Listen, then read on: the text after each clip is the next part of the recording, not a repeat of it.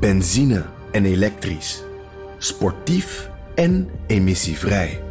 In een Audi plug-in hybride vindt u het allemaal. Ervaar de A6, Q5, Q7 en Q8 standaard met quattro vierwielaandrijving. Wat u ook zoekt, u vindt het in een Audi. Audi. Voorsprong door techniek. Je hebt aardig wat vermogen opgebouwd. En daar zit je dan, met je ton op de bank. Wel een beetje saai, hè? Wil jij, als belegger, onderdeel zijn van het verleden of van de toekomst? Bridgefund is een slimme fintech die een brug slaat tussen de financiële behoeften van ondernemers en van beleggers. Dus wie belegt bij Bridgefund krijgt niet alleen een mooie vaste rente, maar brengt ook ondernemers in beweging. Echt waar. Met die ton kan je zoveel betere dingen doen. Bridgefund.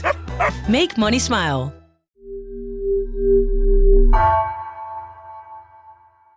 In deze aflevering komt zelfdoding voor en dat kan mogelijk triggerend zijn. Als dit thema voor jou gevoelig ligt, maak dan de afweging of je verder wilt luisteren. Vanaf de redactie van NRC het verhaal van vandaag. Mijn naam is Gabriella Ader.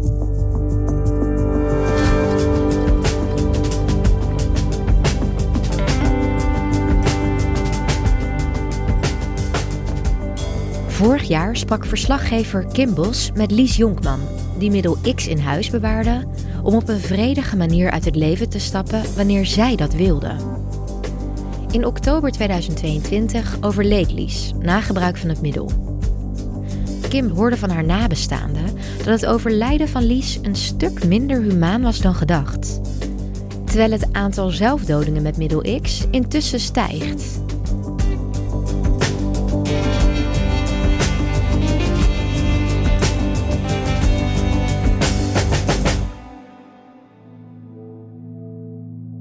Eind 2021 werkte ik aan een artikel over het zelfdodingsmiddel Middel X. En daarvoor sprak ik met allerlei mensen die dat middel in huis hadden.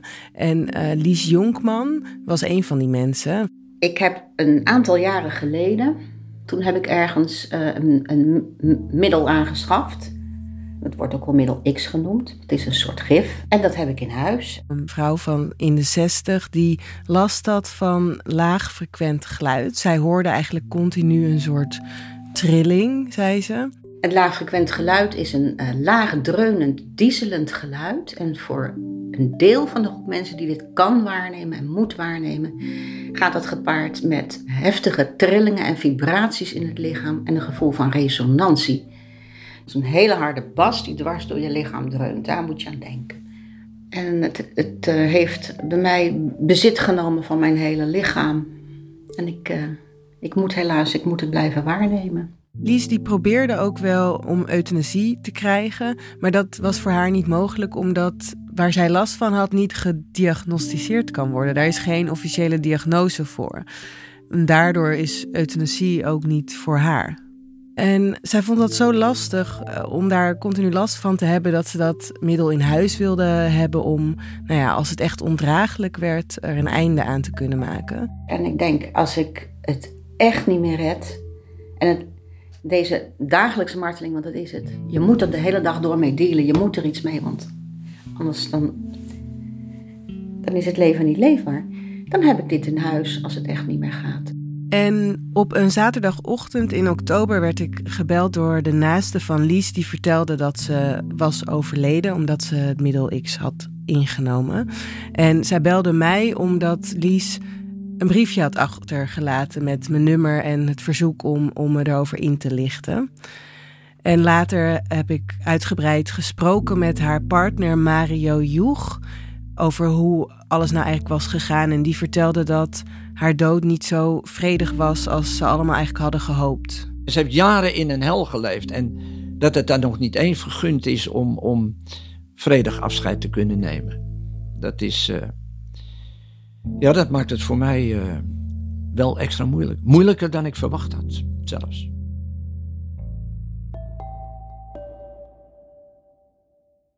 Kim, um, Lies besloot dus een einde te maken aan haar leven met middel X. Maar wat was dat ook alweer precies? Ja, middel X, dat is een soort poeder dat normaal gesproken wordt gebruikt in laboratoria ja, voor allerlei toepassingen. Het zit ook bijvoorbeeld in een hele lage dosis in de coronatests. En in een hoge dosis is het middel dodelijk. En als je het eenmaal hebt ingenomen en je hebt genoeg ervan ingenomen, dan is het ook onomkeerbaar. Er is geen tegengif meer dan. En bijvoorbeeld een maag leegpomp of zo werkt ook allemaal niet. Nee, nee, ja, behalve als je het echt direct doet, geloof ik. Uh, maar niet als je ook maar iets, iets later bent. Ja. En toen ik bij Mario was, die woont in Almere in een ja, knus huis met heel veel boeken. En we zaten aan een houten tafel. En was wel fascinerend, want echt net naast ons op een dressoir stond dan een klein doosje waar Lies normaal haar make-up in bewaarde. Het is een, uh, een doosje met, uh, met bloemenmotieven erop. Er staat op uh, Le Fleur. Uh, oorspronkelijk heeft daar een, een, een reukwater, eau de cologne in gezeten. En nu zitten er wat, wat, wat opmaakspulletjes van Lies zitten daarin. Maar daar had ze dat, dat middel had ze daarbij, ja. En dat, ja, dat bewaarde hij daar ook met een foto van haar bij. En jullie zaten daar. Wat vertelde Mario jou over hoe het was gegaan? Nou ja, Lies liep al een tijd rond met het gevoel dat ze het leven niet makkelijk vond. Ze wilde heel graag leven, maar, maar ze vond het eigenlijk gewoon ondraaglijk door dat uh, laagfrequente geluid. Die trillingen gingen maar door en nachten zijn lang en het was uitzichtloos. En dus ze had op een gegeven moment had ze een hele strip slaappillen ingenomen en het middel X. Ze heeft wel, terwijl ze het al had ingenomen, appberichten gestuurd met een kennis. Want hij vroeg aan haar van, uh, wat ben je aan het doen? Toen zei ze van, uh, ik weet niet, ik heb het ingenomen en uh, het is allemaal vreselijk shit. En nou ja, ik denk, misschien ga ik wel dood, zei ze. Maar als je het middel X inneemt, dan is er geen weg terug.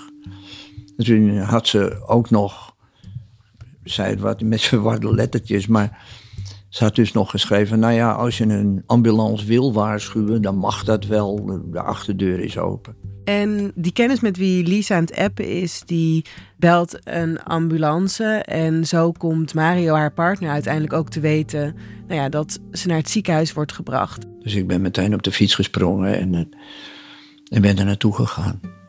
En uh, toen kwam ik in het ziekenhuis, ja. En kon hij daar bijvoorbeeld ook wel, kon hij meteen vertellen, nou ja, ze heeft dit en dit ingenomen, laat haar? Of... Nou ja, hij heeft inderdaad wel kunnen vertellen dat uh, ze dat middel had, had ingenomen. Dus daar konden ze dan ook wel iets mee in het ziekenhuis. Maar het was heel moeilijk natuurlijk om te zeggen van stop, ze wil dit niet. Omdat er heel veel mensen aan iemand werken. En het is natuurlijk ook het werk van zorgverleners om iemand beter te maken. En uh, toen kwam die zuster, die kwam aan. Ze zei, nou de toestand wordt nu heel snel slechter. Uh, wilt u hier wachten uh, of wilt u er toch... Ik zei, nou, ik, ze zegt ze, ja, maar wat u te zien krijgt zal voor altijd op uw netvlies staan. Ik zeg, ja, maar als er nog iets van bij, als er nog bij kennis is, dan, dan wil, wil ik dat ze weet dat ik er ben. Dus ik ging mee en inderdaad, het was, het was verschrikkelijk. Ze, ze, waren bezig uh, heel hard op haar hartsteken te pompen. Het apparaat wat de hartslag aangeeft, uh, gaf ook alleen maar die slagen aan. Dus had van zichzelf had ze eigenlijk al geen hartslag meer. En er kwam nog iets bij. Ik dacht, het ergste wat kan gebeuren nu, is dat ze inderdaad gereanimeerd wordt. Want dat spul dat zal ongetwijfeld verwoestend in de lichaam hebben gewerkt. En misschien ook aan de hersens. Maar die tril zal misschien niet weg zijn. En wat voor hel komt ze dan in? En ze had ook altijd tegen mij gezegd: Mario, als mij wat overkomt, je gaat me niet reanimeren. Maar als daar acht man bezig zijn rond zo'n tafel, spring er maar eens even tussen en zeg van hé, hey, dat mag niet. Later die nacht overlijdt ze toch. En dan kan Mario nog niet naar huis, want het is geen natuurlijke dood. Dus ze, moet, ze moeten wachten op de politie. En die twee zusters die, zei, die overbleven, die zeiden tegen mij... Ja, nu moet u wachten, want het is geen natuurlijke dood. Dus de politie komt zo en dan moet u op wachten. En uh, maar als u dat wilt, we, we laten u wel even alleen. En toen kreeg ik dus een paar minuten om even afscheid te nemen. Nou, dat heb ik toegedaan. Inmiddels waren ook uh, haar ex-man Paul en uh, de jongste zoon Remy waren toch gekomen. En uh, toen hebben we met z'n drieën gewacht totdat de politie kwam. Regisseurs die namen de telefoon mee en er waren andere regisseurs al naar haar huis gegaan. Die hebben de laptop meegenomen. En de volgende dag is Mario naar het appartement van Lies gegaan. Het eerste eigenlijk wat ik zag toen ik binnenkwam, dat was dat de braakselsporen op de grond lagen. En waarschijnlijk heeft ze dat zelf nog een beetje daarvan weggehaald. Uh, want het was, uh, het was een, een heel dun laagje en, en, en opgedroogd. Maar het leek alsof het wel al van weggeschept was. En dus wist ik op dat moment ook dat het geen zachte dood was geweest. Ze was niet vredig ingeslapen. Het was, uh, het was afschuwelijk, ja.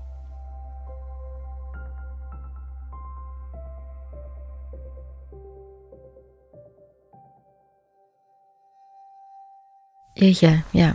Um, nou, als ik het verhaal van jou, maar ook van Mario zo hoor, dat lijkt me echt super heftige nacht voor alle, alle nabestaanden.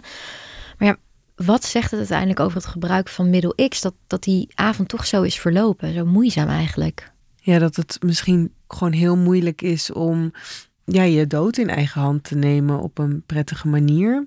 Dat het geen zachte, vriendelijke dood hoeft te zijn zoals in een film. Iets waar je misschien toch wel op hoopt, hè? dat je gewoon wegzakt en omringd door je naasten ja, het laat zien dat het allemaal best wel rommelig kan verlopen. En nou ja, in, zij werd opgehaald door de ambulance. En in die ambulance is ze ook nog even bij geweest. Dus het is ook best een lange lijdensweg uh, in dit geval. Dus dat is allemaal best wel heftig. Um, dat is niet zoals je het graag zou willen. En wat ook nog meespeelt, is dat zij heeft wel eens gezegd dat ze wilde dat haar zoons bij haar dood zouden zijn. Alleen dat kon niet, omdat ze ook bang was dat zij dan bijvoorbeeld vervolgd zouden worden voor hulp bij zelfdoding. Of dat ze in ieder geval onderwerp van een onderzoek daarnaar zouden zijn, omdat hulp bij zelfdoding in Nederland strafbaar is. Dus dat heeft er waarschijnlijk ook toe geleid dat ze alleen is gestorven. Wij noemen het nu steeds middel X, hè? maar hoe komen de mensen aan dat daadwerkelijke middel, zoals Lies dus? Ja, dat heeft een geschiedenis. Dat we dat nu middel X noemen. Dat is in 2013 werd corporatie Laatste Wil opgericht. Een organisatie die, nou, waarvan het belangrijkste doel het, het verstrekken eigenlijk van zo'n zelfdodingsmiddel is voor mensen die het leven niet meer uh, zien zitten. Nou, op een gegeven moment, een paar jaar na de oprichting, vonden ze een middel waarvan zij dachten: dit is te verkrijgen op de een of andere manier. En dit is ook nou, in, in hun ogen dan humaan. En dat bleek middel X te zijn.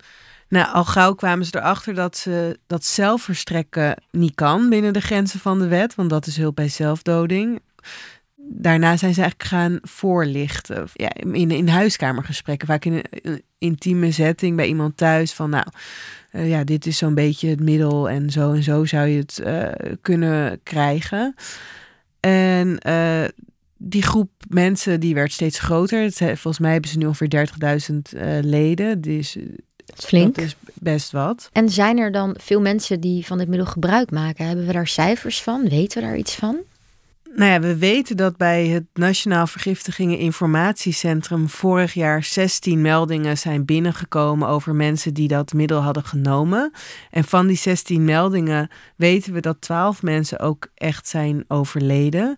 Van die vier weten we het gewoon niet zeker. En ter vergelijking, het jaar daarvoor waren dat er vier. Oh, dat is echt wel een enorme stijging. Ja, en die jaren daarvoor waren het ook zoiets. Dus het is echt wel, uh, ja, wel heel veel meer. Alleen bij dat vergiftigingencentrum, dat is echt helemaal geen waterdichte registratie. Want zorgverleners bellen daar naartoe als ze vragen hebben over een vergiftiging. Dus bijvoorbeeld krijgen ze wel eens telefoontjes vanuit de ambulance van zorgverleners die zeggen van ja, ik heb het idee dat het dit middel is, wat moeten we doen? En dan zetten zij een vinkje.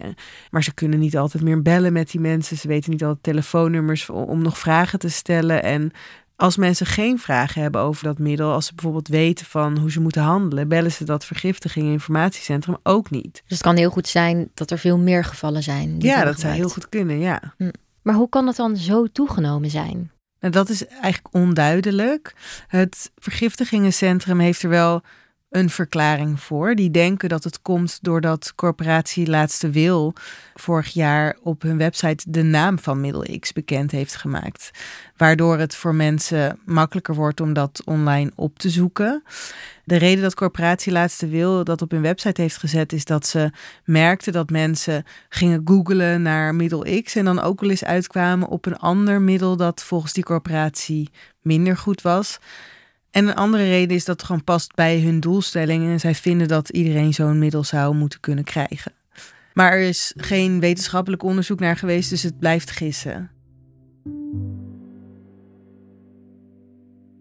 Nu heeft corporatie Laatste Wil dat middel op zijn website gezet. Met het idee, het is een humaan middel. Maar als ik jou zo hoor en als ik Mario zo hoor, vraag ik me wel af, ja, in hoeverre is dat waar? Ja, ik heb met de vorige voorzitter van corporatie laatst wel ook wel vaak over dit onderwerp gesproken.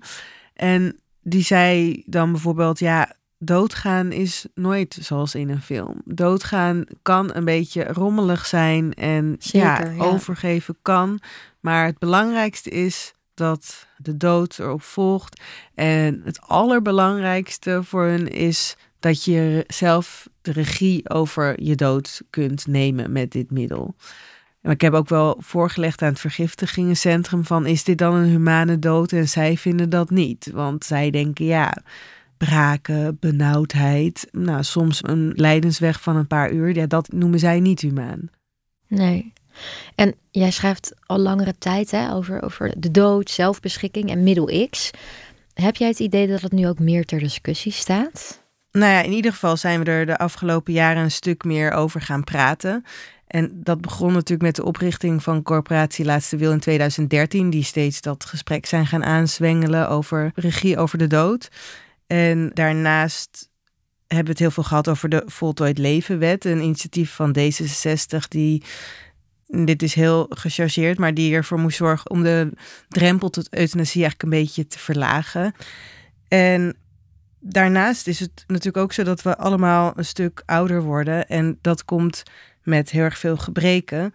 En kan de zorg die mensen een stuk beter behandelen. En dan kun je je afvragen van, nou ja, verlengen we nu eigenlijk het lijden? Of verlengen we het leven? En dat roept ook weer heel veel vragen op over ja, regie over de dood. En als we nu teruggaan naar Lies en de nabestaanden, ja, hoe gaat het nu met hem? Met wat voor gevoel zijn zij achtergebleven? Nou, tijdens het gesprek met Mario bleek ook wel dat er nog heel veel verdriet is. Er zijn twee dingen die ze heel erg belangrijk vinden. Nadat er meer aandacht komt voor dat laagfrequent geluid waar Lies uh, last van had. En dat is iets waar ze ook wel erg maar ja, in haar nagedachtenis eigenlijk mee bezig zijn. Er zou echt een onderzoek moeten komen naar mensen die van deze verschijnselen last hebben. Wat daar eventueel de oorzaak van is.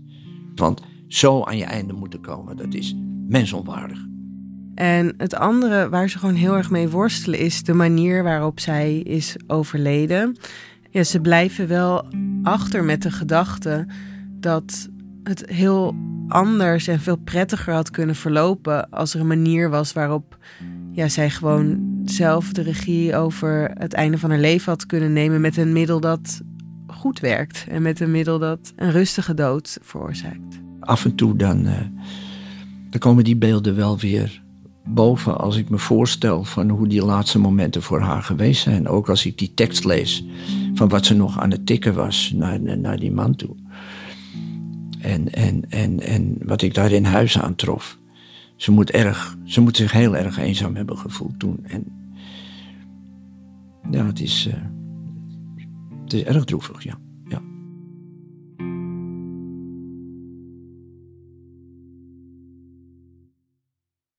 Praten over zelfdoding kan anoniem over de chat op www.113.nl of bij de landelijke hulplijn 0800 0113.